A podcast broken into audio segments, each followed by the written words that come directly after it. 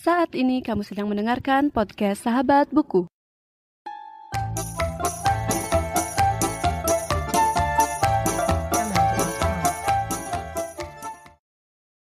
Halo semuanya dan selamat datang kembali di podcast Sahabat Buku. Bagi kamu yang baru pertama kali mendengarkan podcast ini, podcast Sahabat Buku adalah sebuah podcast yang membahas review buku dan pengalamanku saat membaca buku. Di episode kali ini, aku akan membahas sebuah buku berjudul Tiga Tahun, karya Anton Chekhov, yang diterbitkan oleh penerbit Bentang Pustaka. Buku ini diterjemahkan dari judul aslinya yang berjudul Three Years oleh Sapardi Djoko Damono, dan buku ini berjumlah 158 halaman dan pertama kali diterbitkan pada tahun 2017. Buku ini mengisahkan seorang laki-laki yang bernama Laptev yang jatuh cinta dan tergila-gila kepada seorang perempuan yang merupakan anak dari seorang dokter. Dan namun begitu, si perempuan ini yang bernama Yulia tidak sedikit pun menyukai Laptev. Dan karena satu alasan tertentu, akhirnya mereka menikah dan menjalani kehidupan dengan segala kerumitan dalam hubungan mereka. Nah, sebelumnya karena uh, buku ini pertamanya menurut aku cukup asing ya, apalagi ditambah dengan kentalnya budaya Rusia gitu. Jadi untuk selanjutnya aku akan membahas tokoh-tokoh yang ada di novel ini. Karena waktu pertama kali baca aku merasa uh, ada beberapa nama gitu yang disebutkan padahal itu mengacu ke satu orang gitu. Jadi aku bakal bahas beberapa tokohnya. Yang pertama adalah Laptev.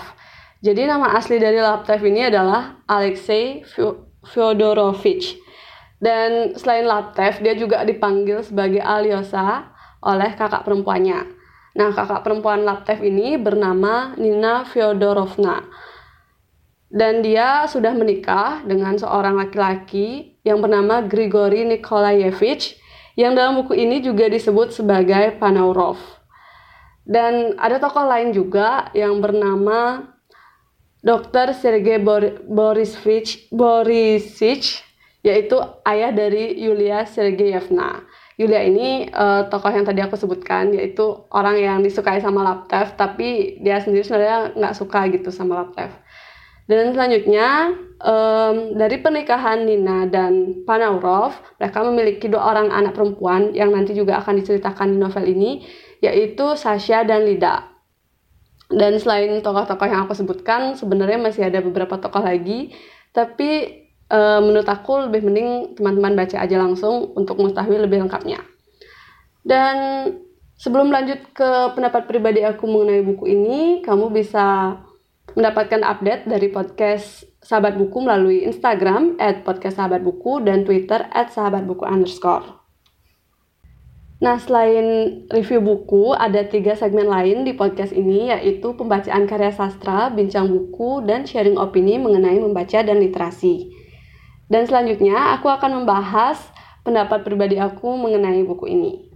Yang pertama adalah buku ini bisa membuat aku sebagai pembaca tenggelam dalam ceritanya, karena e, masalah percintaan dengan perspektif berbeda itu menurut aku selalu seru untuk dibahas.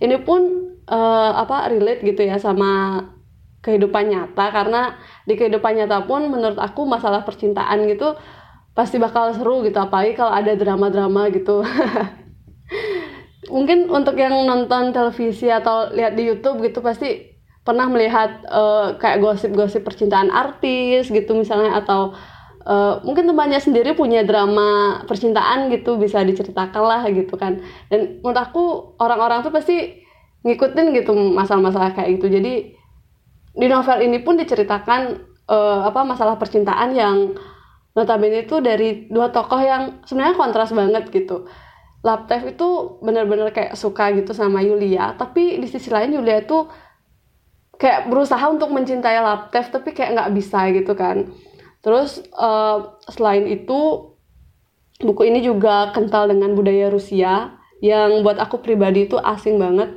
sehingga membuat aku belajar uh, hal baru dari buku ini. Nah, ada beberapa hal yang aku soroti yaitu ada beberapa istilah yang aku benar-benar asing banget nggak pernah lihat ataupun nggak pernah dengar sebelumnya yang bisa aku pelajari dari buku ini. Contohnya itu ada di halaman 3 Misalnya ada kata balalaika. Nah, balalaika ini adalah sebuah alat musik senar tradisional Rusia yang mirip dengan gitar berbentuk segitiga. Nah, aku kalau ngasih apa ya kak, kalau kayak dikasih deskripsi gitu nggak terlalu bisa bayangin gitu. Nah, dengan kemajuan teknologi kita kan bisa googling gitu hal-hal yang kita nggak tahu dan uh, itu pun yang yang membuat aku uh, belajar hal baru dari buku ini. Nah, selain itu ada beberapa kata lain. Contohnya di halaman 11 ada kata samovar. Samovar adalah ketel logam khas Rusia yang sangat cocok untuk minum teh. Nah, itu pun uh, apa namanya? Mungkin kita bisa bayangin ketel gitu, tapi lebih enak kalau kita uh, search gambarnya di Google terus kita jadi lebih enak gitu waktu bayangin ceritanya.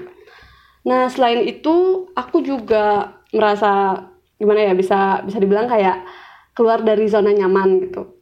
Kenapa aku bisa bilang kayak gitu? Karena menurut aku selama aku baca buku gitu ya, zona nyamanku itu adalah uh, membaca buku-buku yang aku bayangin itu dengan mudah gitu. Misalnya kayak baca novel yang uh, apa namanya berlatar belakang di Bali gitu atau ya berlatar belakang di Indonesia gitu. Jadi masih ngerasa deket gitu dengan hal-hal yang uh, berkaitan dengan Bali atau Indonesia gitu dan di novel ini menurut aku ngerasa jauh banget gitu karena kan di Rusia gitu dan aku tuh sama sekali nggak tahu gitu budaya Rusia tuh kayak gimana jadi seperti yang aku bilang tadi aku merasa belajar hal baru dan keluar dari zona nyaman dan sekian untuk pembahasan buku tiga tahun karya Anton Chekhov jika kamu ingin berbagi pendapatmu tentang buku ini, kamu bisa langsung menuju YouTube, Instagram, atau Twitter podcast Sahabat Buku dan sampaikan di kolom komentar.